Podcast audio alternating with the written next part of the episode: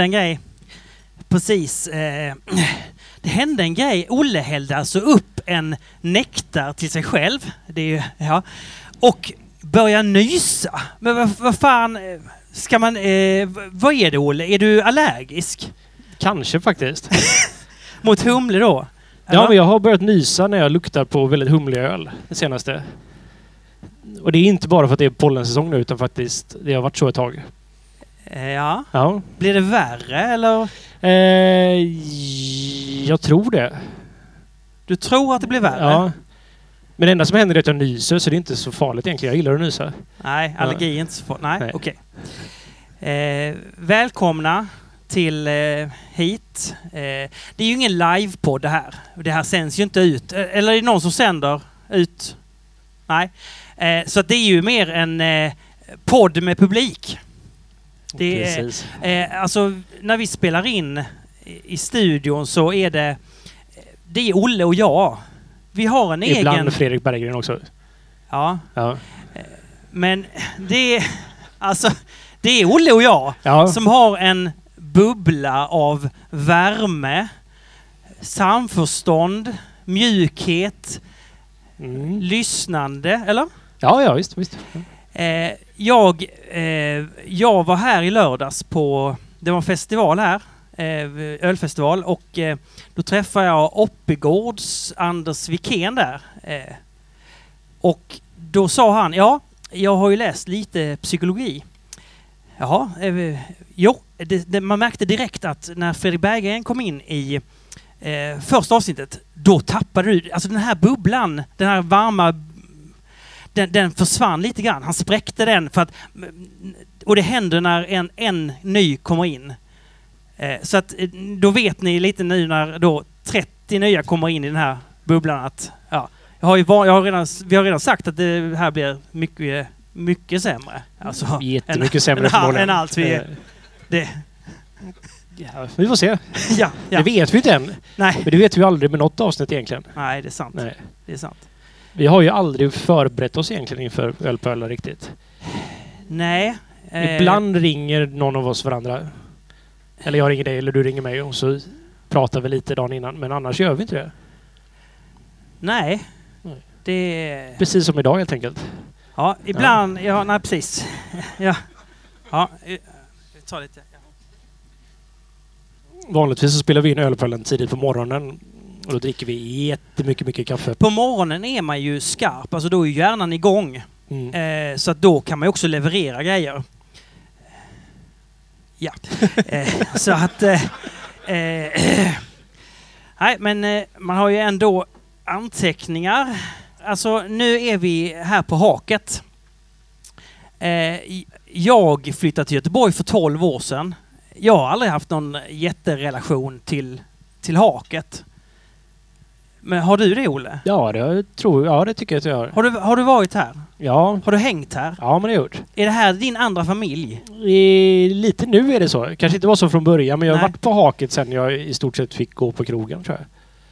Men då var det mest att man gick hit för att det var, det var det, här, här nere faktiskt i den här ja, källaren, eller vad man ska kalla det, så hade de mycket syntklubbar och sådana grejer förr i tiden. Elektroniskt, mörkt. Och nej, det är roligt så här när jag tänker tillbaks på den tiden så upplevde jag den här lokalen som extremt mycket större faktiskt. Men det är så här, den, den är, ja, jag vet inte, jag har hängt här jätte- jättemycket genom åren. Men eh, framförallt så blev det senare när jag upptäckte öl så började jag gå hit. När du var 12, du upptäckte du väl öl? Alltså, ja, ja.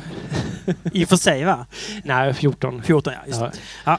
Eh, det, vi, vi, hur kunde... Hur, det, det, eh, jo, berätta lite om... Vi bör, kan vi börja med det eh, med nektar?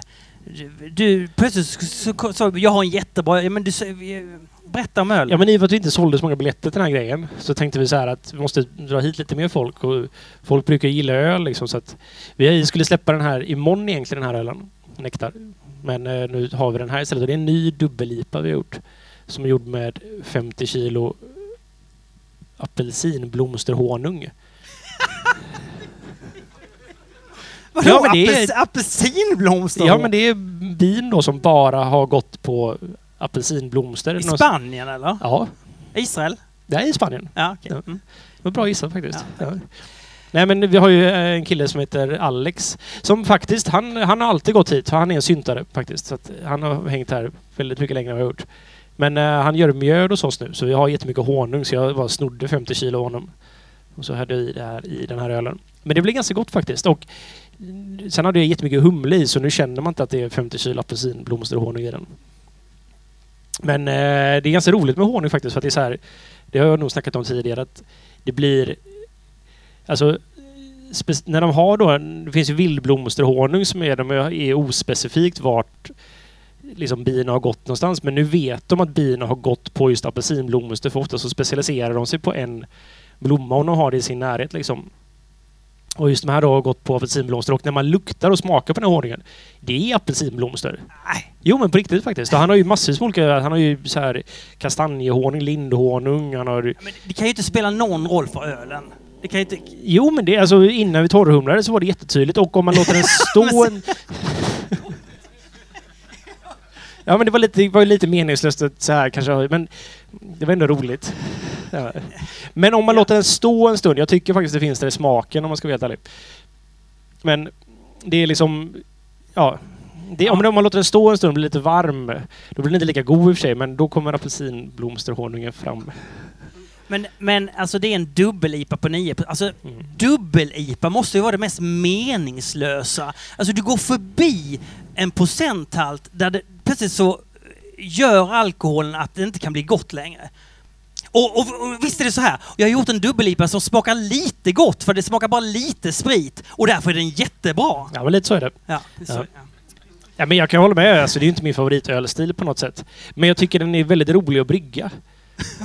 Vad, vad är det som är roligt med att brygga en... För att man får ta i lite grann. Man får liksom så här ha mycket av saker och hitta balansen. Det är dyrt liksom. Det är jag tycker det, Olof tycker det är lite mindre roligt än vad jag tycker det är. Men, nej, men, det, ja, men det, man, man ska hitta balansen, man ska hitta ett sätt att få det här att fungera genom att vräka ner massvis med humle då som man har i det. Och så ska man, får man jobba upp det här så att det inte blir så spritigt utan man ska ha någonting som gör att det blir så först tänkte jag, jag ville göra en torr dubbel-IPA nämligen. Det var så lite den här idén började. Sen så jag och Simon har en gång för länge sedan gjort en honungsdubbel-IPA också. Men eh, det har ni inte i längre va? Nej. Den har ni slutat? Nej, okej. Nej, det är dålig podd här nu. Ja. Det, alltså, Simon, Simon sitter här, jag jobbar på Stigbergets nu Mm. för de som inte vet det, kanske inte alla vet det. Mm. Och eh, eh, Simon lärde sig allt. Nej, nej. Eh, Simon lärde sig mycket, en hel del, av Olle på Stigbergets. Så, ja, eh, men så kan vi säga. Jag ja. tror inte Simon skulle säga samma sak. Men, Jo men absolut, säger Simon. Mm. Okej. Ja. Nej men så då var jag ville ha, tänkte göra en torr dubbel-IPA som drog iväg lite grann i alkoholen och så och ville göra den så ljus som möjligt och istället då för att använda socker så tänkte jag att ja, men då kan det vara roligt att använda honung helt enkelt. När du säger ljus, så ljus som möjligt, har honungen med det att göra? Ja, den ger ljus? inte så mycket färg. Eller viss honung är jättemycket färg. Det finns väldigt mörk honung men den här honungen är ganska ljus helt enkelt. Ja men det, det är väl inte honungen som gör att den blir ljusare än om att du inte hade haft Nej i men hade jag haft i motsvarande socker i malt så hade den ju malten haft en färg som gjort den mörkare helt enkelt. Ah, Så därför kan man ha i socker som då inte har någon färg så blir den starkare. Ja, jag fick Ja. höra någonting om att eh, du, du, har- jag tycker du har fått till en ganska bra eh, tjocklekig turbiditet. En, alltså en haze. Ja. Det är inte riktigt som... Det är inte så tjockt som jag har sett eh, på andra öl, men eh, ganska tjock. Ja, ja men det är, den, det är, den är väldigt färsk den, så den är färdig nästa vecka egentligen. Så att det här är liksom Ja. några dagar efter kallkraschning. Då undrar jag så här, har Ja. du kanske bland... Jag, jag fick Så jag ber om höra- ursäkt för humlebrännan som finns i den för övrigt. Den kommer inte vara där nästa vecka. Tack så mycket. Mm. Vad sa du? Eh, nu är det mycket här på en gång. Hu- Humle... Menar du att humlebrännan försvinner om en stund eller? Ja, men det kommer den göra. Om en vecka? Ja, eller hoppas det i alla fall. Okej, vet jo. aldrig. Jag, jag hörde av en eh, bryggare, jag nämner inga namn, men eh, att eh, två olika sorters havre, kanske omältad och mältad havre, gör att du får en haziness utav, utav, som är utanför den här världen. Vad säger du om det? Jag, s- jag skulle nog säga att båda två ger ganska mycket haze. Båda två? Ja, alltså, båda? Men har- tänk om du kombinerar två havre? Ja, det är vanligt att man gör det. Så det är ju antingen mältat havre som jag föredrar att använda för att det smakar havre på ett annat sätt. Och sen finns det havregryn som man har liksom i havregrynsgröt och sådär. Och vissa föredrar havregrynsgröt. Jag kan tycka att det ger en vaxig smak, typ. Men det är svårt att förklara. Men v- vem sa att var det ena mer än det andra liksom? Nej, alltså jag... Jag stoppade det. Jag bara tog det. Jag, jag, jag kunde ställt en följdfråga. Ja, Ja. okej. Gjorde jag inte. Eh, jo, den andra, den andra ölen på tapp eh, på haket är ju den här eh, Sierra Nevada Pale Ale. Det, eh, vi ska ju inte prata om Sierra Nevada Pale Ale. Nej, det får vi spara till nästa avsnitt. Ja. Ja. Men Men den finns att dricka här i alla fall. Ja, och den är mycket bättre än den på flaska. Eh, den var ganska trött faktiskt. Men, men jag tycker ni ska prova den i alla fall. Det är en klassiker. Lika trött att det som var, precis... Ja. det var Flagship February för en stund sedan. Så jag var ganska glad att man ens kunde få tag i eh, faktiskt att man kunde få tag i den fat. Jag har aldrig sett den på fat i Sverige typ, någon gång tror jag. Jag har bara druckit en flaska till det. Alltså, eh, eh, Flagship February. Ja, men det har vi snackat om. Det var den här att... Jo, de, jo, men ja, jag nu bara säga, det, då är det de stora Ja, klassiska ölsorterna som ska få leva. precis. Och det här är en sån klassisk stor det är det ölsort. verkligen. Det är ju den här som någonstans definierar amerikansk. Nu ska vi inte prata för mycket om det här. Nej, inte prata om det. Nej. Eh, du, då kommer nästa. Jag, blir ni störda av att jag inte bara... Nej, inte så, nej, jag- kan säga att humlen i nektar också, det är mosaik och Nelson Sauvin. Och ganska mycket av det. ingen citra. Ingen citra. Nej. Mm. Vi bara... nej, nej. Ja. Eh, du, eh, eh, det ja, vad jag tänkte på var... Hur länge sedan var det sist vi gjorde det här? Vi gjorde inte, det var inte så länge sedan. Har det hänt något nytt på OO då? Har ni sålt något till något land eller har ni... Mm. Alltså öl eller har ni exporterat något eller gjort något? Ja, ni gjorde den här nya ölen eller vad? Ja, Jag tror bara det. vadå? Ja, Vi har inte gjort så mycket nytt Nej. faktiskt. Eller så här. Vi har gjort nektar. Vi har... Ja. ja. Det har faktiskt inte hänt så mycket sen senast. En sak som har hänt Ja. är ju att eh, den japanska importören Ja. skickade hit en krogägare Ja, det gjorde han faktiskt. i tjänst för den här japanska importören. För att eh, han är, den här i- japanska importören är supernoggrann med när ölen kommer till, eh, till Japan, att, att det är bra öl.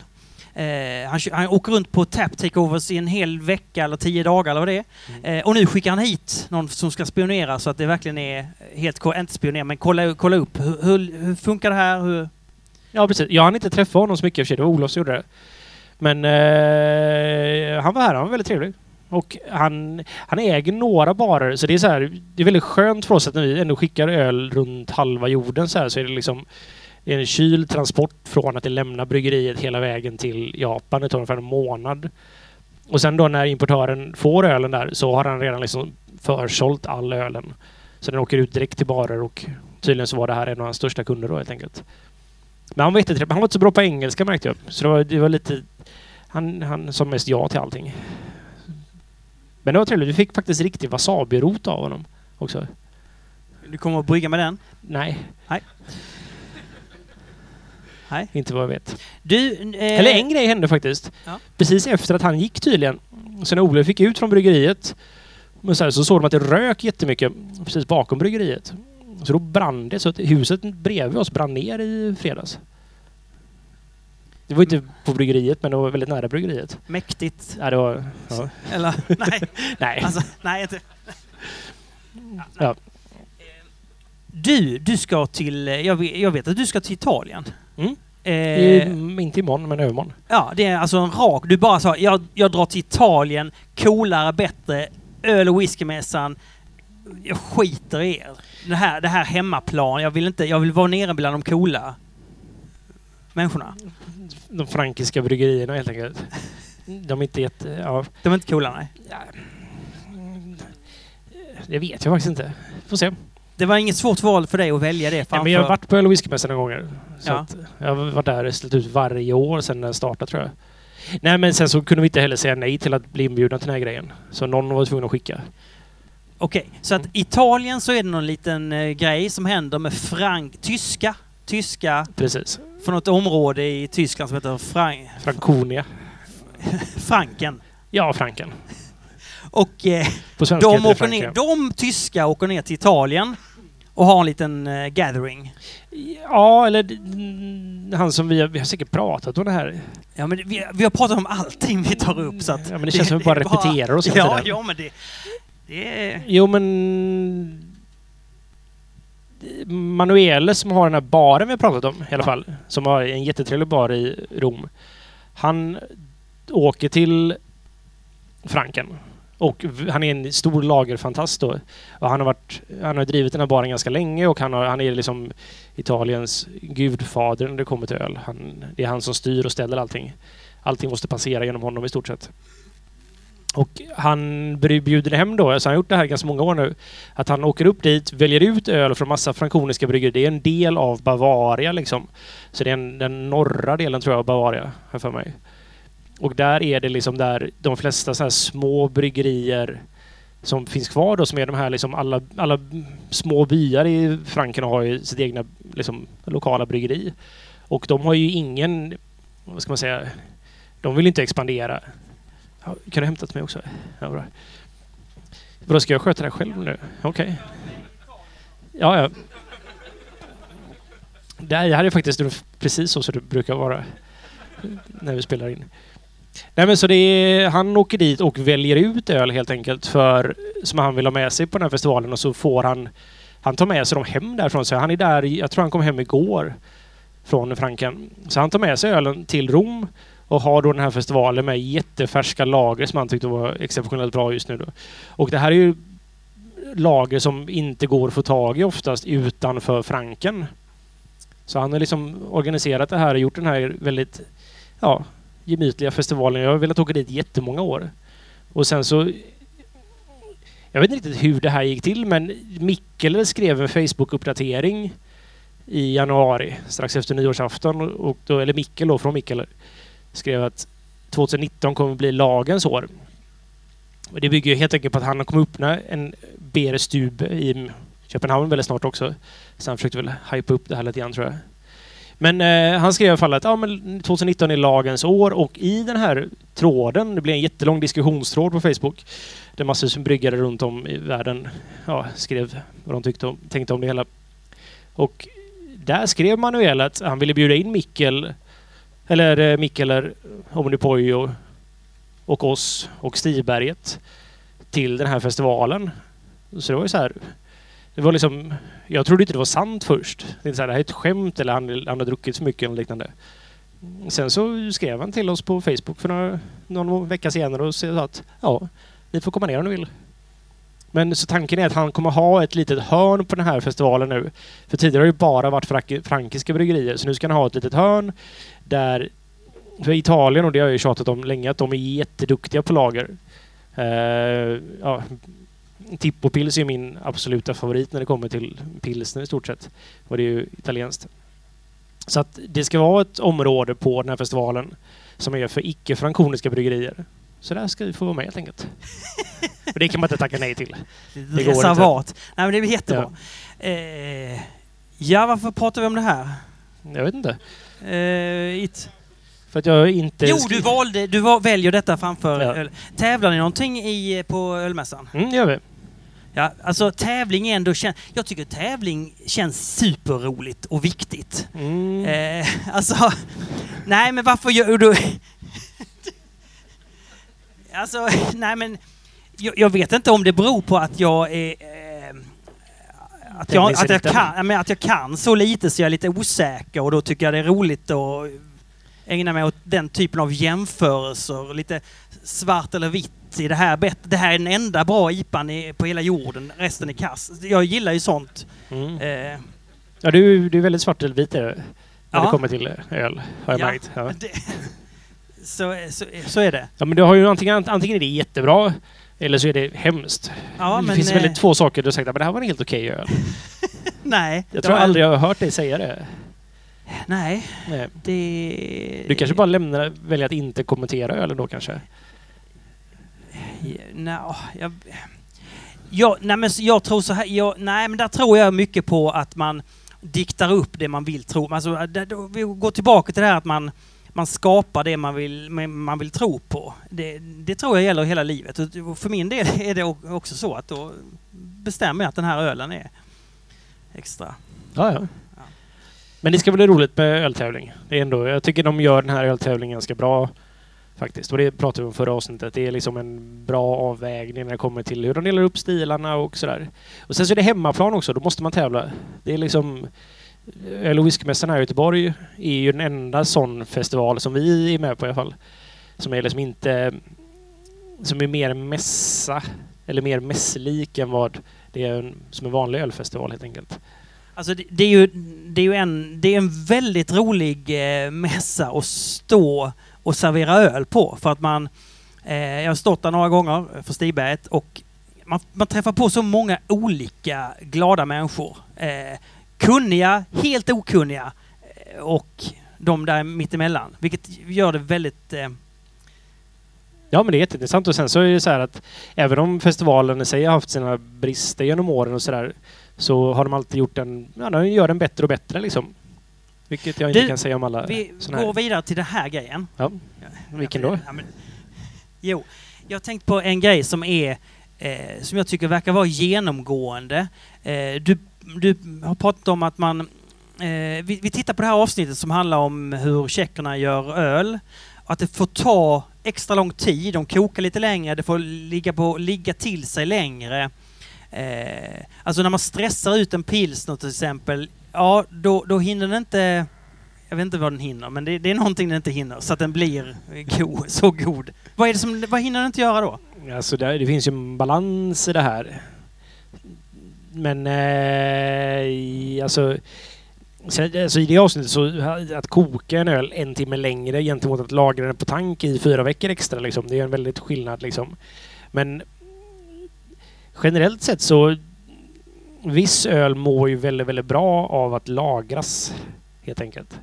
Sen kan jag tycka att en pilsner går att göra jättebra på tre veckor om man känner för det. Det funkar. Nej. Ja, jo. ja okej. Men blir det inte lite bättre om du väntar en vecka till? Om du låter, blir det inte lite bättre? Alltså... Det beror på hur man... Alltså... Ja, kanske jag har aldrig riktigt haft tiden att vänta så länge. Jag har inte riktigt utrustningen för det heller riktigt på det sättet. Nej, men du, du berättar ju att nu har du satt någon, någon eh, bak bakteriell eh, öl på, på fat eller vad det var. Ja. ja. Och det ska ta två år för den. Ja, eller ett år åtminstone. Ja, det är ju men, helt sjukt långt. Ja, men det är ju bakterierna i sig som jobbar länge och när det kommer till pilsner så finns det ju en regel om hur länge den ska lagras på eh, efter jäsningen då, liksom att man sänker temperaturen långsamt och så får den ligga och ja, helt enkelt mogna till sig och rensa upp sig själv lite grann. Har man en bra primärjäsning så är inte det lika nödvändigt egentligen. Men sen så om man gör ofiltrerad pilsner så kan man ju få den helt blank om man väntar till länge för då kommer ju gravitationen göra att ölen blir klar helt enkelt. Så det handlar nog en, det är nog en viktig aspekt i det hela. Men när det kommer till suröl och sånt så är det ju bakterierna i sig som ska helt enkelt bara göra sitt jobb och det tar tid faktiskt. De, ja, de har långsam metabolism liksom. De är... Så det, det, det, är sant alltså. Ju längre tid, alltså tid är viktigt. Alltså, det är som en surdeg. Varför, varför, varför blir ett surdegsbröd nyttigare och bättre? Jo, för att det får jäsa superlänge. 12 timmar får det jäsa. Det är inte den här köpgästen som får det fluffigt snabbt, utan du får ju, och du får Får du lägre GI-värde exempel i, i, i ölen? Nej, för det, det får man inte. Nej, för det får man ju i bröden. Ja. Ja, alltså, Men det är alltså- inte samma sak som nej, öl. det är inte samma. Nej. nej. men sen så alltså, vissa ölstilar och som man gjorde öl förr i tiden så tror jag verkligen att det var så att ölen blev bättre desto längre tiden låg. Speciellt runt lite starkare öl så var det nog ganska de var nog ganska potenta precis i början och stack åt alla håll och kanter. Ja, men som en Barley Wine eller liknande, liksom, att man, eller starkare bocköl för den delen. Att det var nog ganska... Det var nog spritigt från början. Lite spritigt, men att det var mycket felsmaker som med tiden växte in till något annat. Du, du nämnde Barley Wine. Kanske den äckligaste öl som har gjorts. Men... Eh, den bästa öl som någonsin gjorts. Nej, men jag, när, jag stod, jag när jag var här i lördags då och var på den här eh, festivalen, ja då eh, kom det en supertatuerad och jättegullig kille och berättade att barley, korn, är fruktansvärt att ha i öl. Eh, då råkar Stigbergs ha det i en öl. Eh, eh, Kon har man i alla öl Martin. Va? Kon har man i alla öl. Har man? Ja, det har man. Ja men vi, vi skrev ut det så det var extra... Ja men vadå, har man, har man korn i alla öl? Ja, det har man. Vadå, vad, vadå för korn? Det är mältat korn, det är det som är malten. Jaha. Ja. Men, eh, vi snackade om det här avsnitt två eller korn? tre? Om hur... Okej. Det, eh, nu, tar, nu istället för en fråga från publiken ställer jag en fråga till eh, Simon. Vad är det för korn som var i den ölen? Uh, wow Barry. Är- förlåt, eh, det är kanske lite... Men min, min fråga är då är så här. Eh, vi skrev ju ut att det är liksom alla fyra sädeslag, men det, det var bara vanligt korn som vi har i all, all öl, eller vadå? Ja, eller kornmalt. Eh, liksom. Vad fan, ja. Okej. Men Martin, Ah. man gör öl på malt, humle, jäst och vatten och malten är... eh, Det är, det är korn. Okej, det kornet får man alltid gratis. Det är alltid korn i. Ja, i stort sett. Ja. Man kan göra 100% veteöl om man har en sån, vad heter de? Ett, en filtermäsk. För att, eh, vi, vi kan inte med våra bryggverk till exempel, så här, vi kan inte vi göra en öl bara med vete för att det hade bara blivit en geggamoja som inte gick att laka liksom. Går göra det såklart men vi hade haft ett fruktansvärt dåligt utbyte och sådana saker. Men har man en mäskfilter som är som en så här en ihoppressad grej, man pressar ihop mäsken. Då kan man göra det. Och så trycker man igenom vattnet. Då kan man göra 100% veteöl. 100% vet jag. Mm. Okej. Eh, Men annars är det alltid Mm. korn i. Det är det som är själva... nej, liksom- okej. Men okej, om, vi då, om vi då tar den här ölstilen då som jag nämnde. Barley wine. Ja. Barley. Ja. Kornvin. Ja, korn, kornvin. Vadå? Alltså det, det eh, varför heter det barley wine? Eh, det finns en historia som jag inte köper riktigt men det var att de engelsmännen då, där den här stilen är från och Frankrike hade krig. Så då kunde man inte köpa franskt vin längre. Så då var man tvungen att göra någonting då för de, de som brukade dricka franskt vin i England. Så då skapade man ölstilen Barley Wine. Som en form av substitut. Men jag köper inte den historien. Utan jag tror det är en efterkonstruktion faktiskt. Men eh, jag tror mer på att det är så att man gjorde någonting som var starkt och för kanske folk som hade råd att betala lite mer. Men att det handlade om att man har ju Partyguile, eller Partguile. Heter det Partyguile eller Partguile? Nej, Ingen som... jag är Nej. väl osäker nu. Men Ja. eh, det är att man tar... När man lakar så tar man liksom olika delar av vörten. Så man tar bara den starka delen av vörten. Så kan man göra en öl på den. Och så kan man ta mellanvörten och så göra en öl på den och så tar man den sista då och gör en väldigt svag öl på det. Så det blir liksom att man delar upp vörten i olika sjok liksom och får olika stamvörtstyrkor helt enkelt. Så man blir olika... Ja, olika alkohol i ölen.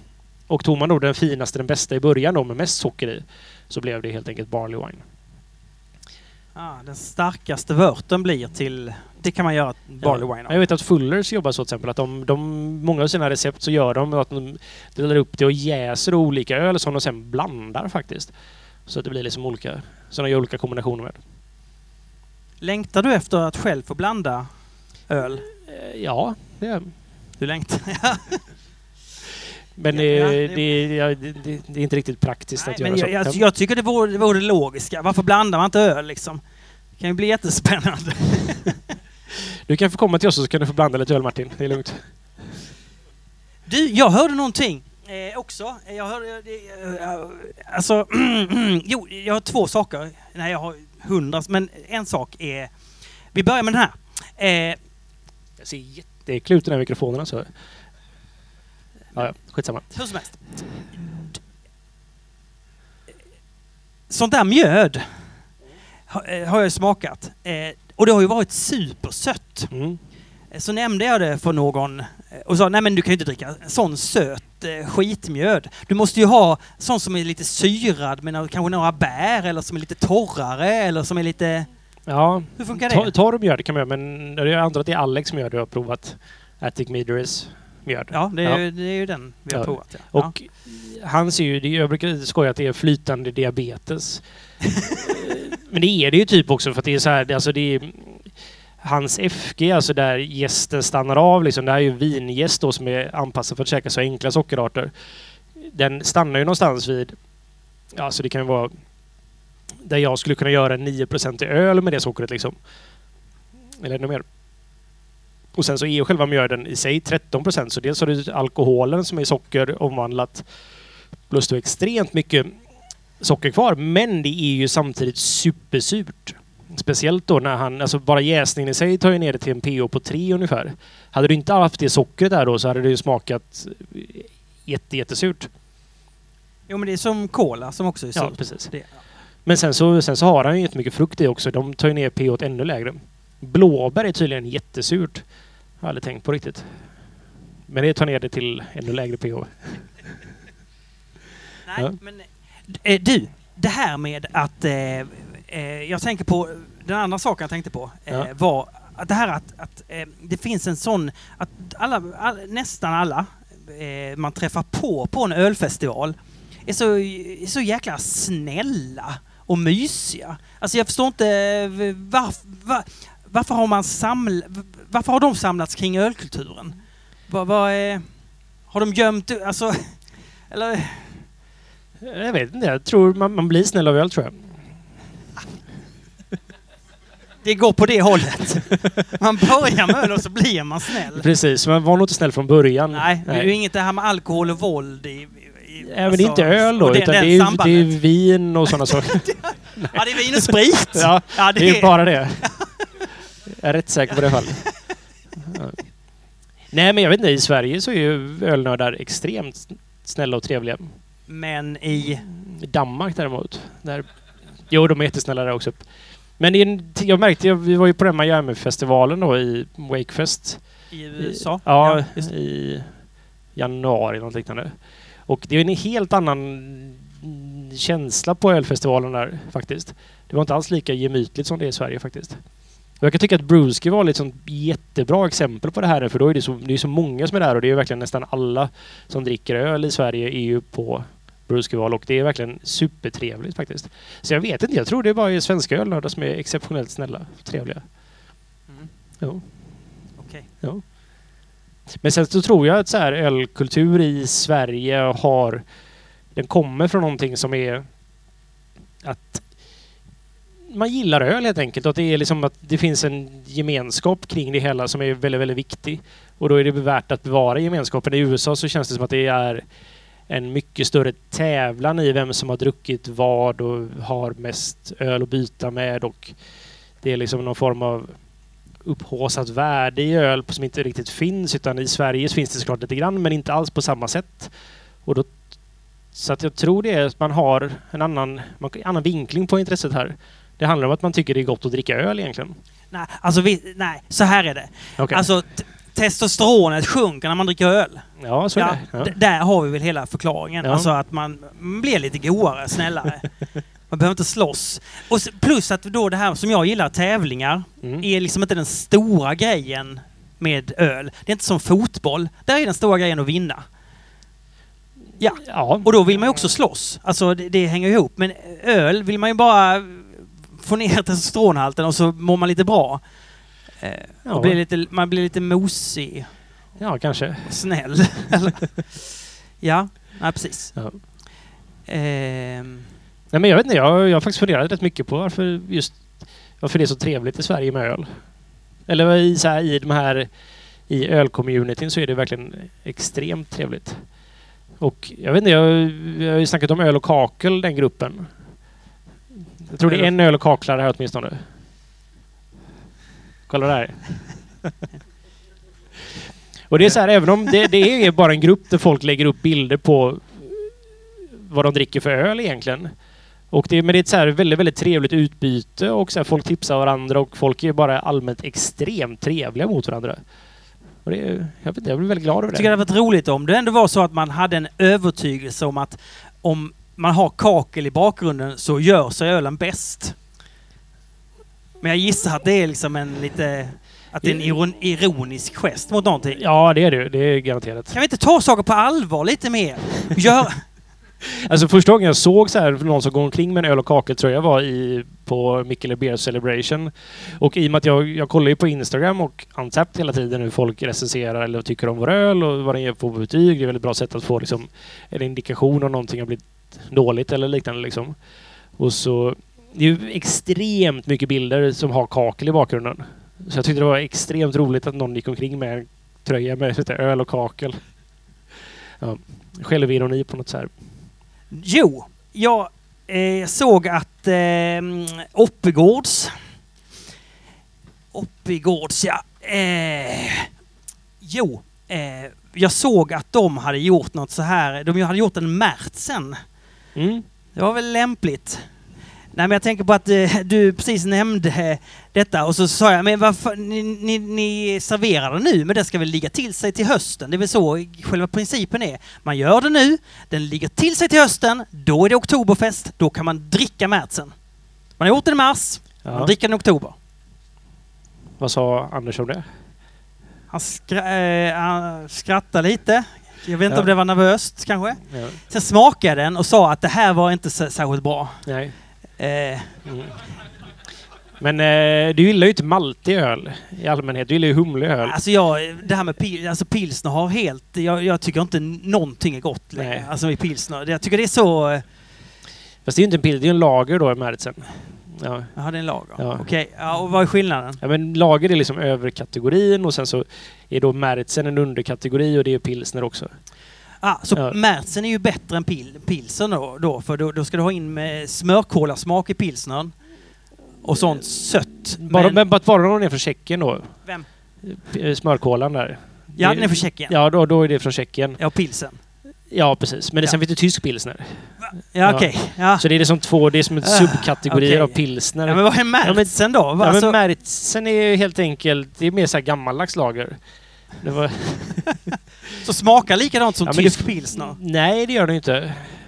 Utan den smakar ju mycket mer maltigt ofta liksom. Den har lite mer, den är lite Ah. starkare och har lite mer, lite Mm. mer maltighet. Och Det- inte så mycket beska eller humlekaraktär då. Eller kan den också ha lite. Märtsen, ja. Sen hade de gjort någon porter som, som skulle vara god. Ja, just det. Det här är deras Heritage-serie. Den smakar ju så vattnigt. Jag sa den här var vattnig. Ja. Ja, den är, och då var det någon som försvarade, jätteskön snubbe i skägg. Vet, vet ni vem? Nej, nej. Eh, som sa, ja men det ska ju vara så Martin, den ska vara så. Det, det, det ska vara så. Och, eh, och, nej, ja, jag vet inte. ja. Men jag har inte druckit de här ölen så jag har ingen aning. Nej. Jag var inte här i är du helgen lite faktiskt. avis? Nej, Nej. inte egentligen. Men, men jag tycker det är gött att de gör det att så här, det, är liksom, det, finns en, det finns någon form av motreaktion just nu i, inom öl, känns det som lite grann. Att man, alltså mycket inom öl idag skulle jag, men jag är ganska traditionell, skulle inte jag ens klassificera som öl. Men så kommer bryggerier som Oppegård som då gör en heritage-serie med öl. Han, jo men det är bara de här två är med där tror jag. Ja. Som är liksom klassiska ölstilar gjort på ganska klassiskt vis med klassiska ingredienser som... Det blir liksom som en motreaktion mot det hela kan jag tycka. Jag tycker det är väldigt uppfriskande. Jag tror vi sa det här i avsnitt ett. Alltså inte just om Heritage-serien, men, men just den här principen att det finns en motreaktion. Och det är bra att Ja. den håller i sig. Ja. Ja, men, det, men det kanske var... Men nu kommer den på riktigt kan man väl säga liksom. Det, ja, men om det här nu är då pilsnersål som Mikkeler sa, vilket jag tror ändå stämmer lite grann faktiskt. Det är liksom... Men tyvärr så tror jag det kommer bli så att det kommer dyka upp jättemycket dålig craftpilsner här nu. Snart. jag tror det är det som kommer, kommer mynna ut i det. Jättemycket dålig Ja, det kommer bli craft-pilsner. helt överväldigande. Alltså det är många som inte kan hantera hur man gör det här. Eller vadå? Va, va, varför blir den dålig då? För att de kommer sakna liksom syftet med varför de gör den. Väldigt många bryggerier gör idag öl. ja men det är, det är väldigt, det är väldigt flummigt men det är viktigt att ha ett syfte med varför man gör en öl. Man ska inte bara göra en öl för att man känner för att göra den liksom. Eller jo, det kan man göra, men det, det blir fel. Eh, det är sånt vi hade klippt bort egentligen. När man, så här, men att bara för att alla andra gör en öl så ska man inte göra ölen utan man måste ha sitt egna personliga syfte med att göra ölen helt enkelt. Menar jag. Och det- kommer vara många craftbryggerier som inte, som bara... Ja, lite så. Som inte riktigt så här har någon form av egen koppling till vad... De vet inte ens vad de själva gillar med en Nej, men bra... säg som det det finns vissa som bara vill tjäna pengar och de kommer aldrig att klara av att göra det här. Det är så? Ja, inte riktigt så enkelt kanske, Nej. men lite så. Att det är så här, ja men nu Mm. verkar pilsner trendigt. Måste vi göra en pilsner? Mm. Och så kastar man det på någon stackars bryggare som aldrig gjort en pilsner tidigare. Så... Ja, det tar tid att göra pilsner. Alltså er, Tid? Ja, tid som att man får nöta pilsner helt enkelt. Det är liksom som att stå och skottträna eller liknande om man spelar, tränar fotboll. Till slut sitter det liksom. Jag tycker, jag tycker väldigt... Alltså även om jag ogillar pilsner tycker det är sådär. Fast du gillar pilsner Ja, Martin. okej. Ja, men förutom det då. Ja. Jo, men jag gillar ju till exempel, om vi tar... Det var rätt roligt när Stigbergs gjorde en eh, folköl. Den, den kommer väl ut på ICA snart tror jag. Slow Goal hette den. Då, då var det ju, det ska ju vara en pilsner va? Det, det är en pilsner Simon? Nej, just det. Det är en hum... Va? Är det inte en pilsner? Okej, det är en tum, torrhumlad lager. Det är alltså en lager, men det, är så- det är så mycket humle i den så den blir god liksom. Ja, okej. Ja, Ja. super. Det smakar IPA rakt av. Det är jättegod. Det, det gillar jag. Ja. Ja, men det är gott med humle är det faktiskt. Och man får, man får lov att torrhumla pilsner om man känner för det. Tippopils är torrhumlad till exempel. Ja. Alltså, vad, jag Fast med skulle, Hallertau vad ska jag och säga nu innan vi kommer in på det här med den? Va, eh, någon som kommer ihåg vad jag höll på att säga? Eh, Eh, nej. Nej. Så här, ja, nej. jag minns faktiskt inte. Nej. Bra. Då så. Va? det är bra. Humle är gott, ja. Nej, hum... ehm, Men du hade en poäng någonstans som du ville komma Ja, till. jo, men eh, det... Det, det, det, det... Det har kan passerat. Jag, nej, jag kan inte tänka. Mm. Jo, eh, du har sagt en sak. Eh, om du bara tar det lite snabbt, ska bara kolla så att inspelningen rullar. Ja, men gör det. Eh, jo, du kan ta, berätta lite om öl som den... Du har sagt det flera gånger. Öl är en social dryck. Vad är det för, vad är det för snack? Vad, vad menar du? I, alltså, ja, men till mat så föredrar jag vin mycket, mycket mer än öl till exempel. Det är, jag tycker nästan alltid vin passar mycket, mycket bättre till mat. Men till, i sociala sammanhang så föredrar jag öl väldigt mycket. Men det är ju någonting som är... Mm, man, dricker, man kan dricka det utan att man... Det kan man göra med vin också, men man kan... Man behöver inte ha någonting att äta till öl. Utan öl funkar i sig själv helt enkelt. Och det är en väldigt, väldigt... Det är liksom en lagom nivå av alkohol som man får i sig så att man fortfarande kan dricka och prata och ha det trevligt. Det är sån här, den uppmuntrar till gott sällskap helt enkelt. Så det är en social öl, eller social dryck. Men vi har kommit till en bit, alltså om, om, jag, om jag går ut till ett, eh, till ett ställe eh, som kan vara en restaurang, det kan vara en krog med maträttigheter, Mm. eller ja, hur som helst. Eh, då, då, vill, då blir det ju liksom att man tar en öl när man går ut. Man, man kan ju ta en um, cola eller någonting annat, lite vatten. Mm. Det blir lite fattigare. Vi har ju skapat egentligen att vi, när vi går ut så ska vi hälla i oss lite alkohol, annars så blir det svårt att träffas liksom. Det, Ja, ja. Det blir ju trevligare, eller? Nej, men, Nej, men det är väl... Alltså det finns ju någon form av... Alltså man har ju lärt sig att man ska göra det också liksom. Det är vuxet att göra det. Man, men det är sant, men du blir ju mindre skarp. Alltså okej, en deciliter kanske, det- då kanske du blir aningen mer skärpt när det gäller att skjuta rakt. Men, men, men alltså i de här synapserna i hjärnan som gör att du reflekterar och eh, hittar en annan tanke som hör, hängde ihop med den. Det, det försvinner ju. ja. Men du det, börjar älta dina egna men som grejer. folk säkert märker, här, vi, är ju inte, vi har inte druckit eller... men det är, Det- det är ju så nu också liksom. Vi glömmer av vad vi pratar om och... Ja, Ja men det, det handlar ju om ålder. ja det är sant. Så det är, det är bara en ren eh, naturlig Ett förfall liksom. demens, så att Ja. säga. Så det, nej, det är inget konstigt.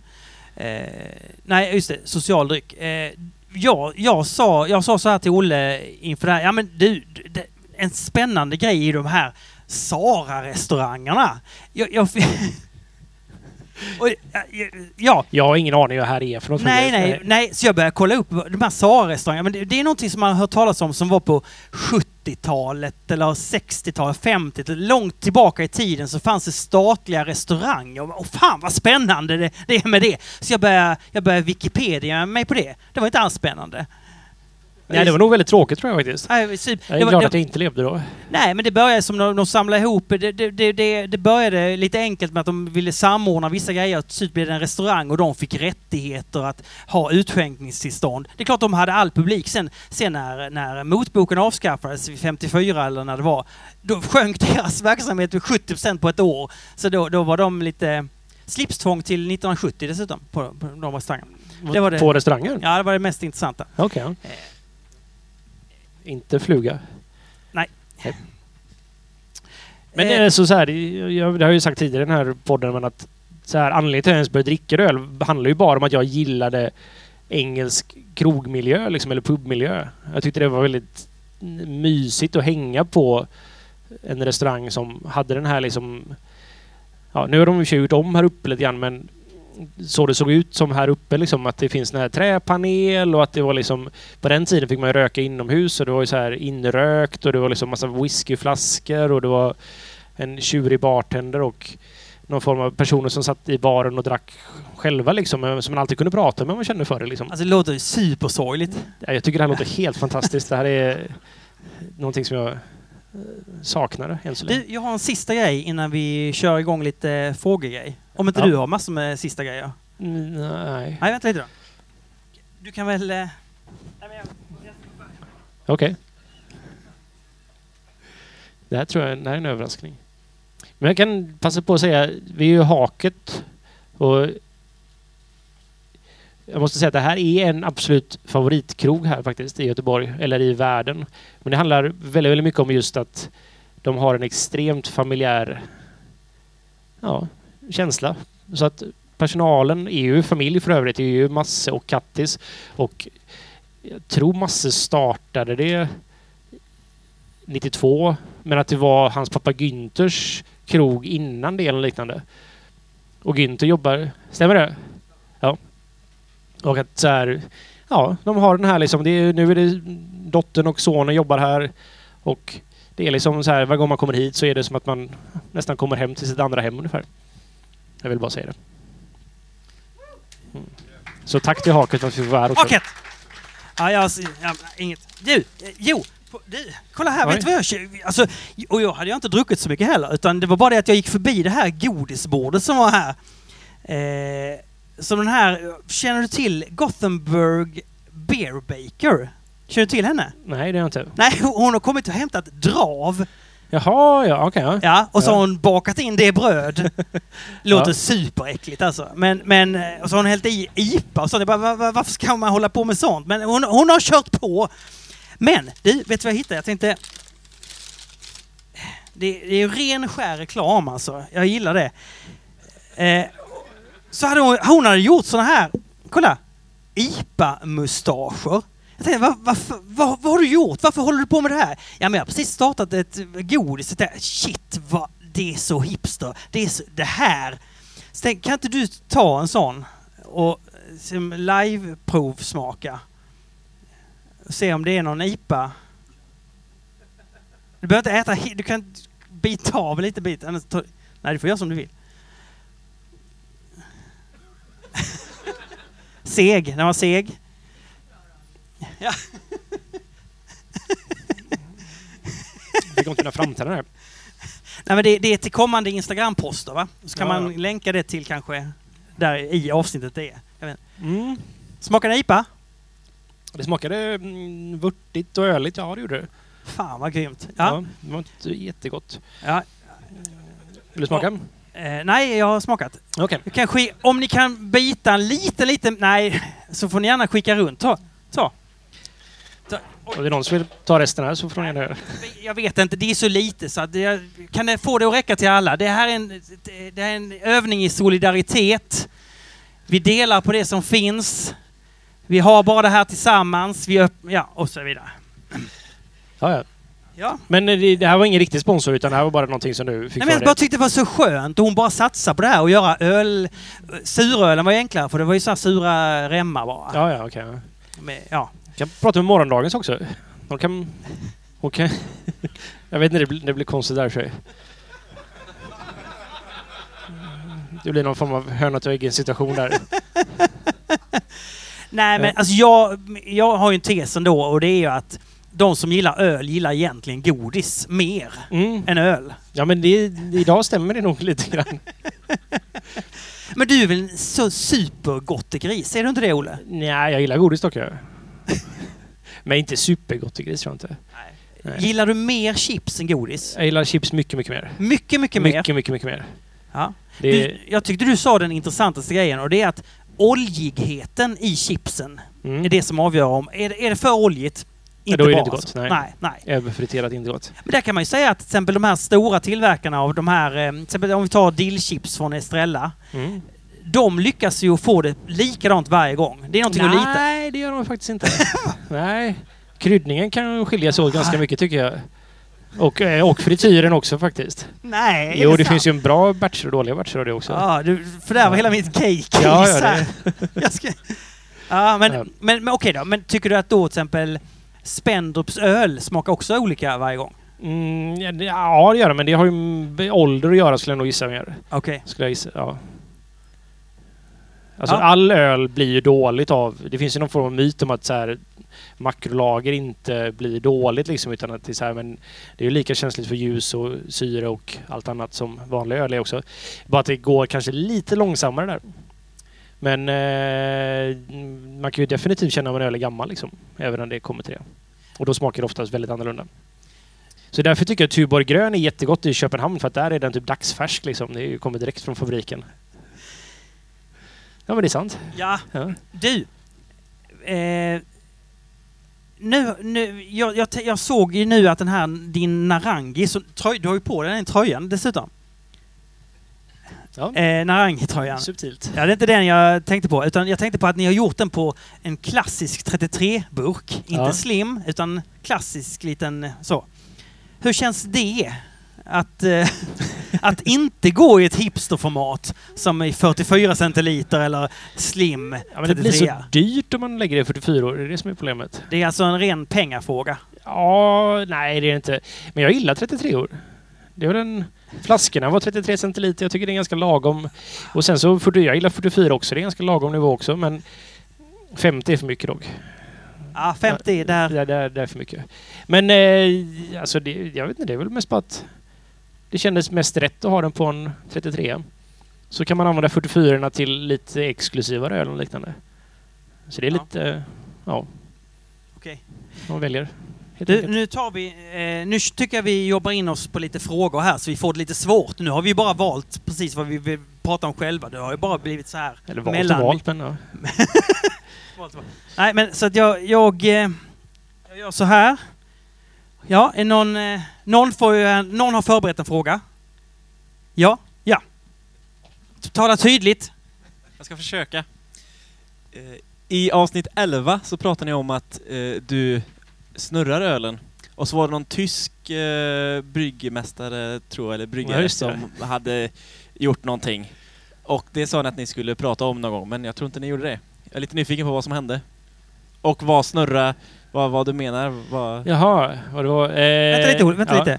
Du, eh, har du en Instagram-profil? Vill du avslöja den?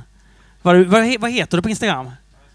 Man, ska du kolla vad du heter på... Ja, nu! Svar. Snurra ölen. Vad, vad är det, Det här var att jag och Olof besökte en gammal studiekamrat till honom i... Vad heter det? Den här skolan, sommelierskolan, som ligger... Grythyttan. Vi besökte Grythyttans bryggeri. Som hans gamla studiekamrat drev. Och där var det en... De hade precis då fått in en tysk bryggmästare som var visserligen direkt från utbildningen. Han var intensiv och när vi fick smaka på hans öl som var väldigt, väldigt dålig också faktiskt. Så liksom snurrade jag glaset så här för att känna mer arom och sådana saker. Då blev han svinsur på mig. Så, så får man inte göra för då förstör man skummet och jag bara okej. Men det är som så här, jag fick liksom vända mig om och göra det i smyg så här när jag skulle lukta på den. För att man det är liksom frigör ju aromen och sådär när man... Men han blev jätteförbannad för det och tyckte det här var liksom ett... Ja, Vadå, du gjorde det ändå liksom? ja herregud. Det är ju så att man fick liksom... Titt, när han tittade bort liksom fick man... Men... Eh, och sen så var det... Jag tror det var första öl och whiskymässan faktiskt. Så var vi på övervåningen här faktiskt, rakt ovanför. Så står jag med Irina. Och vi har precis haft lanserat CP-ölen på den tiden. Och så är det lite typ som efterfest här för ja, många utställare och sådär. Och så står jag och snurrar en öl och pratar med några folk liksom.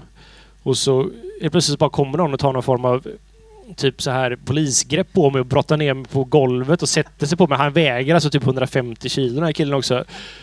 Och typ säger på sån här tysk brytning som jag inte riktigt kan härma så här att jag inte får snurra på glaset.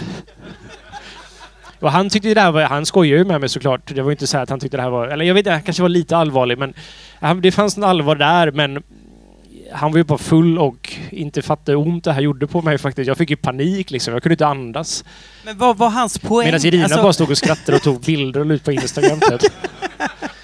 Men du, vad, vad, scrolla då i Irinas flöde bakåt bara så kanske ni kan... Ja. Men, men vad, jag fattar inte, eh, vad menade han? Alltså, du tar bort aromämnen eller Jag har någonting? faktiskt ingen aning vad han menar, men jag tror han menar att Alltså man kan ju bedöma öl på skummet, hur den liksom, alltså hur det fäster på glaset, hur den beter sig och sådär. Och om jag snurrar på den så liksom frigör jag koldioxid för att få mer arom liksom. Och då förstör man skummet så man inte kan titta på skummet och avgöra det. Liksom den visuella aspekten av det hela. Det var nog det han hade lärt sig på sin tyska bryggmästarutbildning. Ja, och du, som, du brukar ju ändå lyssna på tyska Ja, det bryggmästare. gör jag. Eller lyssna. Ja. Ja. beror Vi tar eh, en fråga till. Mm. Om vi har en, alltså det kanske bara blir en fråga. Ja, tack gärna en fråga då. Ja, vi, vi tar dem bara. Eh, du kan börja med din Instagram-profil. Så att vi... Andreas Ekenvi. På Instagram alltså? Jag undrar vad Martins Öde Ö-öl är? Ja, min öde ö-öl. Eh, Det är... Jag skulle, jag skulle säga att det är... Jag skulle säga att det är... Det, ja, jo, det är Carnegies eh, Kellerbier. För det är väl ingen lager va? Det är lager. Ja, det... Nej, alltså det tycker jag är en jättebra lager. Det ska jag säga. Jag tycker den och eh, äkta, äkta pils, det är de två bra som man kan dricka. Resten kan man inte dricka. Eh, så att eh, det är de två. En killebi är liksom, det är ju den mest typiska av dem, kan man nästan, liksom, nästan kalla det. Ja. Tack då. Eh, Okej, eh, vem... Simon? Nej? Nej? Ingen svår, jättesvår fråga? Nej, okej, en ny fråga. Ja, jag är beredd. Ja, Ja, Antenn heter jag på Instagram. det vet jag. Nej, det vet jag inte, men nu vet jag. Eh, om man gör en pilsner med den gästen som du kan använda, 833, och den efter tre månader fortfarande luktar mycket svavel, vad har man gjort för fel då? Är det någon som hörde? Nej. Du tar det, tryck den mot käften. Alltså, Om man gör en pilsner hemma med samma gäst som O använder, eh, och den fortfarande luktar väldigt mycket svavel efter tre månader, vad har man gjort för fel då? Eller man kanske inte har gjort för fel, men att det är väldigt påtagligt. liksom. Väldigt påtagligt. Alltså lager luktar ju svavel oftast liksom och eh, hur kallt jäser den, vet du det? Eller varmt? Jag tror jag pitchar lite för varmt. 13 kanske, men sen 10 grader drog jag ner den till. Ja, men det borde vara lugnt. Jag vet inte, jag får ganska lite eh, svavelproduktion av 833 faktiskt, när jag gör det. Det kan bero på pitchmängden, att det kanske var för lite jäst. Man kan, jag brukar säga att man kan typ nästan inte ha för mycket jäst när man gör lager faktiskt. Men svavel är ju en biprodukt och om man till exempel då stressar lagerjästen skulle jag kunna tänka mig att den producerar. Men jag har varit förvånad så jag får alltid när jag precis har spundat ölen och tar ett så här ett Kellerbier smakprov helt enkelt på den så då brukar det alltid vara svavel i den när den är nykraschad och sådär men sen försvinner det jättesnabbt faktiskt. Och så att den är, jag, jag skulle kalla den men den är lite, har en ganska lite svavelproduktion så att det kan, jag skulle nog gissa på att gästen inte mådde jättebra när du stoppade i den helt enkelt. Det är viktigt med förkultur när man gör lager. Och mycket, mycket gäst. Du hade en förkultur. Två paket jäst hade jag på 18 liter. Det kanske är för lite då. Det är för lite det. Ja. För lite gäst. Jag tar fyra. Fyra paket. Du hade Nej, men- hälften, du hade två. Två, Mm. två, men det ska vara fyra. Ja. Jag Ibland är ju inte. svaren jätteenkla. Ja. Det är mer gäst. Ja, jag vet inte bara hur mycket gäst vi använder, eller jag vet inte exakt för jag tar så mycket jag kan få tag på egentligen i stort sett. Men det är ju liksom, det är ju, det är mycket gäst man behöver för lager helt enkelt. Ja, då kan vi ta, fortsätta på vår lilla... Jag går ut här som en liten... eh, Ja. Hej, Malmström Alexander. Jag har en fråga. Äkta pils, om man gör den till exempel, hur mycket arom, smakhumle använder man i den? Eh, ganska mycket faktiskt. Så att eh, jag har faktiskt dratt ner aromhumlen lite grann i den. Så att det är ju vår liksom, supertyska pilsner på ett sätt. Så att den är... Eh, det är liksom, den har ingen, det är bara pilsnermalt rakt igenom så det är liksom inget det är superenkelt maltrecept. Men sen så är det... Nu för tiden är det SAS och Spalte Select och Hallertauer men i början så var det bara Hallertauer Mittelfru. Men eh, det är liksom en, ja, en bittergiva som tar upp den till ganska högt, typ ungefär vid 30 liksom. Och sen så är det först Whirlpool-humle med Spalte Select. Och sen så nu använder jag SAS-kottar i vår hopback för den. Vilket innebär att jag får liksom en infusion av humle precis innan plattvärmeväxlan. Och det här går inte riktigt att... Man kan ju köpa små hopbacks tror jag som hembryggare. Men det är, jag vet inte exakt hur de, för jag tror Blitchman eller vad de heter har en. Men det gör ju att så här, för har jag Whirlpool-humle så är det fortfarande 100 grader och för mig tar det ungefär 45 minuter i genomsnitt för vörten att kylas ner och in i tank. Och då hinner man förlora en hel del av aromhumlen. Men genom att använda en hoppback så, här så kan jag liksom Ja, det blir som ett filter av humlekottar där alvvörten passerar precis innan humle eller plattformväxlan och sen kyls ner. Då bevaras mer arom helt enkelt. Så det är så jag gör. Och det gör jag för att Genstallet bryggeri till exempel, som också ligger i Franconia, som är ett av de få bryggerierna som faktiskt exporterar sin öl och sådär. Men eh, de, han, eh, han kör, han har ett cool chip, precis som man använder när man gör suröl eller spontanjäst öl. Som där han sänker vörttemperaturen då genom att ha bara en stor kontaktyta. Så han häller ut i en jättestor ja, kar liksom. Och där i har han humle. Så att då får man en humleinfusion precis när det fortfarande är varmt men att det blir kallt ganska snabbt liksom. Så tanken med den här hopbacken då, eller använda hopbacken till just äkta pill så att efterlikna det. Fast med ett brittiskt verktyg istället för ett kylskepp helt enkelt. Du, jag hörde ordet aromämne. Aromhumle. Jaha, sa du aromhumle? Inte aromämne? Jag, Nej. jag tänkte, oh här, nu häller jag i någonting. Nej. Nej, det var ju väl. Okej. Mm. Tack. Men jag kan faktiskt säga, jag, vi fuskade lite grann på en öl här rätt nyligen. Hej! Jo, Ja. eh, eller fuska fuska, men vi, vi, jag fick av en annan bryggare ett, ett test på en produkt som är ett form av enzym som man har i när man torrhumlar. Som, för liksom, många av humlens aromämnen sitter fast på en sockermolekyl liksom. Ja. Så att det här enzymet då, som är, är framställt av någon svamp eller liknande, har man i och så frigör det den här aromämnet från sockermolekylen så man kan så få känna det i ölen helt enkelt. Annars är det bundet i det liksom, så att det är, är luktfritt. Ja. Och det funkar väldigt bra. Så vi gjorde en West Coast-IPA med Symologic. Där vi hade det i. Och det blev en väldigt citruston på det hela. Inte alls så som jag trodde det skulle bli. Du, jag smakade den West Coast-IPan. Jag Ja. stod eh, återigen på den här eh, festivalen i lördags här och då såg jag en tjej komma gående som en väldigt klar öl. Vad dricker du? Eh, ja, eh, och titta på mig.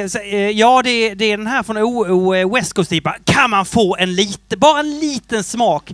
Eh, och det, jag tänkte på det efteråt när jag, jag fick Man får ju bara små smakprov här. Så jo, du- men ja. precis. Och efteråt så tänkte jag, nej men vad jo, alltså, man, man är ju i en maktposition, men man står där bakom tappen och så går, utnyttjar den. Så, bara, så senare såg jag, hallå förlåt, alltså, det, det, jag kanske gick över gränsen där. Man, man, alltså ibland, ja, men eh, det, var- Ja. Men det roliga är att den är ju helt klar liksom. vet, vet du vad Ja. hon sa då? Nej, Att du har en syster.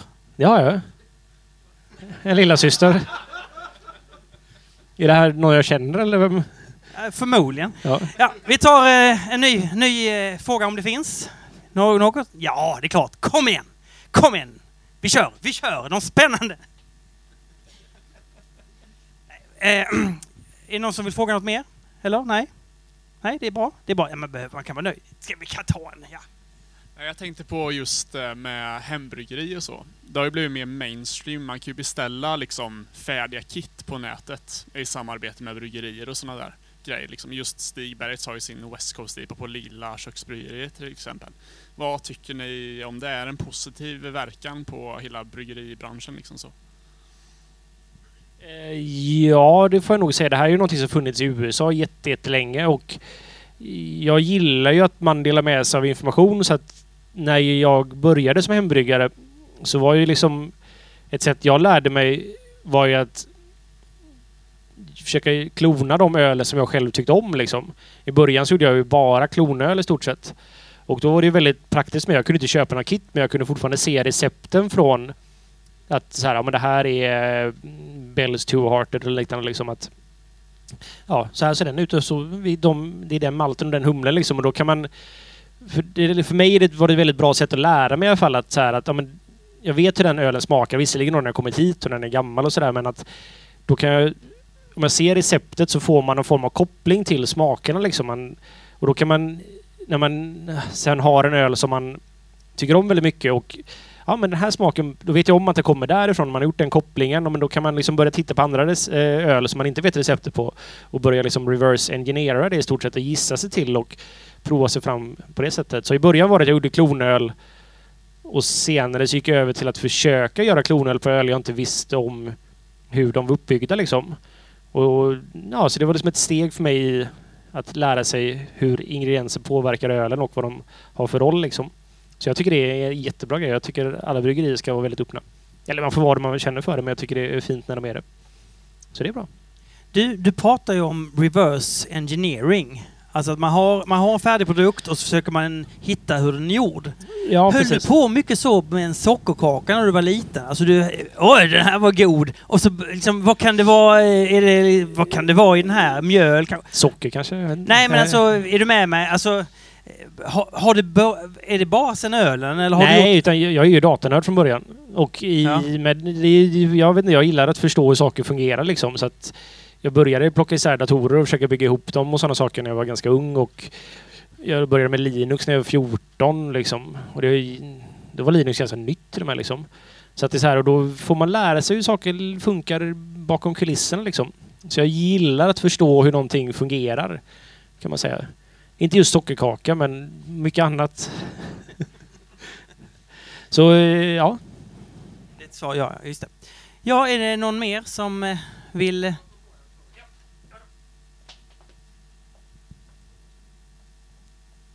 Eh, jag har ju hört eh, det snackas om den nya gårdförsäljningslagen eh, som jag inte har jättebra koll på. Men vad har ni för tankar om den? Och kan ni prata lite om den? Eh, ja, alltså... Jag hade tyckt det varit jätteroligt om man fick gårdsförsäljning faktiskt. För det enda sättet vi kan sälja alkohol nu är antingen direkt till krogar eller till Systembolaget, ja, eller på export då, men då går det oftast genom en importör och sådär. Så det hade varit ett väldigt trevligt komplement att... Alltså om jag pratar bara som ölskapare, liksom att man ja, får liksom möjligheten att kunna göra en öl väldigt enkelt och snabbt. Man kan få en idé, tre veckor senare så har man en färdig produkt. Sälja den så att den går att ta med sig hem från ett bryggeri liksom istället för att man ska ja, få ut den på krogen och det så blir så mycket mer steg så det blir väldigt direkt kontakt med kunden och det hade jag tyckt var jätteroligt. Kan man täppa till eh, de här stora alkoläskföretagen, eh, att de plötsligt har en gårdsförsäljning på en bakgård inne i Göteborg och säljer till eh, vem som helst. Alltså, så, länge, så länge det rör hantverksbryggerier så att man ja, så man slipper de problem som, som man som kanske inte är, när man ser det i första läget så tänker man att men det är ingen fara, men det gäller att man ändå har ögonen öppna, tänker jag, för eh, Att Ja. folk kommer utnyttja systemet menar du? Att man, Ja, det, det är klart. eh, Kan man utnyttja systemet så kommer man att göra det. ja. Eh, Men, men, så det är det alltid. Ja. Men, men man måste ha en gård som ligger utanför en stad. Man måste ha kor Ja, och... eh, kor och ett bryggeri. Ja, Då kan man... Eh, men det är klart, då, då är det bara att köpa upp det och så kan man ha... Fast nej, Precis. ja, har, bussar man ut ungdomar, precis. trycker i dem alkoläsk. Ja. Nej men så jag tror det, vi är ganska långt borta från gårdsförsäljning dessvärre. Men det är liksom så här. Folk, alltså nu har vi Systembolaget istället och jag är inte jättenöjd med Systembolaget för jag tycker utbudet är sådär och processen att för oss att sälja till Systembolaget kan vara väldigt styltig. Så att det blir lätt fel och man måste liksom så här, det finns och jag kan tycka att ja, finns det liksom ett regelverk så går det, kommer det utnyttjas liksom och det hände med Systembolaget också faktiskt. Så att Bear News skrev ju om de här som har gårdsförsäljning.info var det va? Ja, det var en, ehm, någon så här, en, en sida om som skulle informera om vad gårdsförsäljning innebär men det var egentligen bara den fem stora vinaktörer då som hade gått ihop och gjort en hemsida för att egentligen skriva dåliga saker om gårdsförsäljning. För att de vinner väldigt, väldigt mycket på att finnas på Systembolaget. För att de här fem har ju i sig då massvis med underimportörer. Och det som jag tror det handlar om, jag vet inte exakt, men jag skulle gissa att det handlar om så här att för dem är det väldigt bra att ha Systembolaget för de säljer enorma kvantiteter av boxvin framför allt. Och de kan genom för att du får inte, när du lämnar en offert om och Systembolaget har en offert och du ska lämna in en, ja, ett, ett prov åt den här offerten så får du max lämna in om det är två stycken från en importör. Så har man flera underimportörer så kan man liksom lämna in fler. Och då kanske man kan lämna in samma version av, eller olika versioner. För det de gör är att de blandar ju viner ofta i Sverige från olika ursprung för att det ska passa de här offerterna. Så att det finns alltid folk som kommer utnyttja de här reglerna även med Systembolaget och sådär. Och det kan störa mig nästan mer faktiskt. Det är därför man införde till exempel giftermål för, för väldigt länge sedan. Annars skulle du kunna ha jättemånga barn på gång samtidigt. Nu måste du vänta. Nej, Ja, det var inte det. nej. Vi hade en annan fråga också. Ja, nej, ja, nej. Eh, ni pratar om, när man pratar om hur öl smakar och sånt där, till exempel eh, eh, dank och att de är platta. Kan ni inte förklara lite mer om sådana begrepp som alla kanske inte förstår? Jag förstår dem inte heller faktiskt. Alltså, Eh, du, du hade två. Du hade dank och platta Ja. öl. Är det, samma, är, det, är det samma sak eller? nej, det är inte samma sak. Nej. Ska vi börja med dank då? Alltså det här är väl en sån generell beskrivning av saker som inte riktigt så här, någon riktigt kan e- komma överens om vad exakt dank är, utan det är ju en tolkningsfråga helt enkelt. För mig är dank när det påminner om alltså marijuana, alltså weed. När det har en potent, liksom det luktar skunk helt enkelt. Då är det dank för mig. Skunk, alltså skunk som i... Som är båda två. Alltså det finns en marijuanasort som kallas för skunk. Och den heter så för att den påminner om skunkens lukt. Ja. Ja. Och det är samma sak som händer när man faktiskt eh, sol träffar öl, eller humle i öl, så blir den ju också skunkad. Så det är samma typ av... Det är dank. Det, ja, för mig är det när, det när det finns de här weediga tonerna så är det dank helt enkelt. Men platt öl är Ja. väl att den Det har ju är... du beskrivit öl väldigt ofta. Jag tror jag har... Och då säger du alltid att det är lite kolsyra i den. Ja, eller det är så, men det är ju mer en sån, det är inte en smak i sig utan det är ju mer en, ett fysiskt attribut av ölen att den är platt om den inte saknar sko- kolsyra för då är den ju avslagen helt enkelt. Men sen tror jag att om en öl kanske till exempel saknar syra eller liksom inte har till en beska eller något sånt där så kan den kännas tråkig som produkt liksom. Att den inte är så här att det finns inte det här liksom som gör att den poppar till. Det finns ingen här liksom en balans eller att det finns någonting som gör att den hänger ihop liksom. Och då tror jag folk kan beskriva den som platt. En annan sån smak som många använder är fadd. Och jag har ingen aning om vad fadd är för smak. Det är liksom verkligen... Om någon säger att en öl är fadd så är, tänker jag i mitt huvud, jag säger inte det högt utan jag tänker så här, den här personen kan ingenting om öl eller smaker. Det här är... Ja, någon eh, till? Sista? Tredje? Ja. Eh, Hur eh, långt kvar är det tills OO får åka och välja ut sina egna humleskörder? Är det... Eh, ja, alltså... Jag har ju frågat Filippe, vad var det det krävdes för Stiberget? Var det ett ton av varje eller? Ja, och det har vi av mosaik nu faktiskt. Men jag tror det ska vara att man behöver ha typ tre stycken som är uppe i ett ton på kontrakt då av en leverantör liksom. Eh, så att det är inte så långt borta egentligen. Sen vet jag inte riktigt. Tycker du det var värt det Simon? Tycker du att det var värt det? Absolut. Ja. Eh, det är jättespännande. Ja. Men det, var det stor, stor skillnad mellan de olika varianterna av mosaik, Citra och Simco är det ni väljer?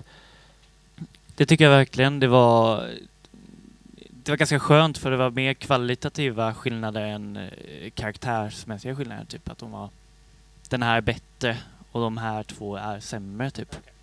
Så, så att säga.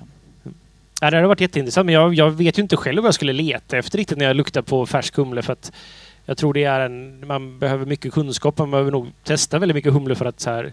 Eller jag skulle känna mig väldigt osäker när jag väl stod där och typ... Det här luktar kanske lite bättre än den här, men jag vet inte Men riktigt. vänta, alltså vad, vad är det här nu? Alltså vi, vi, vi befinner oss i USA. Ja, Man eller får var åka... Vad, den- vad, hän- vad, hur går det till? Alltså det Vad- är bättre om Simon som ändå varit och faktiskt valt ut humle får svara på det, för jag har ingen aning riktigt Hur går det till Simon? Alltså vad, du som har varit i USA och valt ut humle. Är det en mässa? Är det en eh, festival? Är det en... Eh, vad, De eh, har typ olika tider kan man säga som man eh, dyker upp. Det är som ett möte nästan. Eh, och då har de olika rum då man där får eh, x antal eh, batcher av olika sorters humle. Som sitta eller mosaik till exempel. Och där får man dofta och eh, gnugga och götta ner sig lite i de olika ja, men batcherna som finns och då välja en av de här batcherna. Helt enkelt. Och då får man den humlen sen helt enkelt? Ja, då väljer I man en- att man tar emot den. Ja. Men det är spännande. Vi fick faktiskt hem humlen som jag plockade ut idag. Ja. Och eh, det var nästan tvärtom vad man upplevde den där typ. Det känns som att Simcon var så här fantastisk. Det var som textbook Simco. Det var så mycket blodapelsin och tall och den var svinbright men här känns den inte alls lika bra. Eh, sitter mosaiken så kändes som en okej där. Det kändes, ja men det här är gött. det var väl ändå tur att Citra Mosaik var väldigt, väldigt bra va? Det är väl ändå de två vi jobbar med? Eller? All öl. Nej.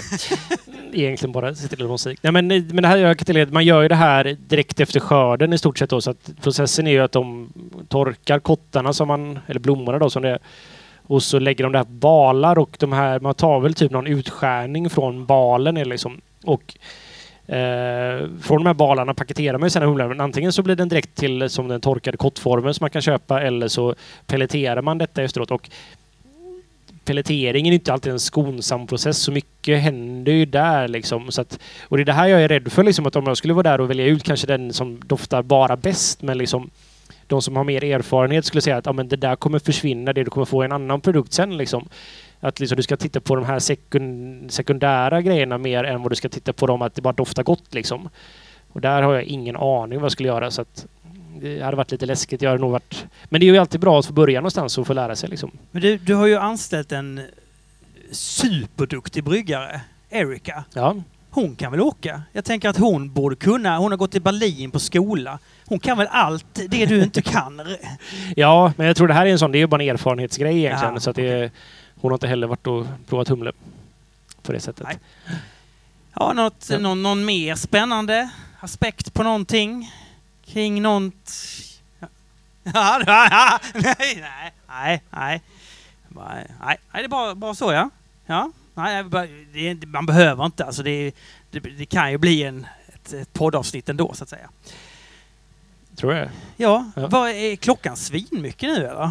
Nej, inte så farligt. Bra.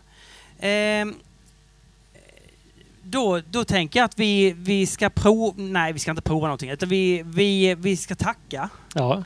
Eh, vi, vi tackar ju Ina som kommer att klippa det här sen till en eh, mästerlig podd. Alltså det blir ju ett annat ljud, det, det förstår ni, det får ni ta. Eh, det är många som lyssnar på podden bara för ljudet. Eh,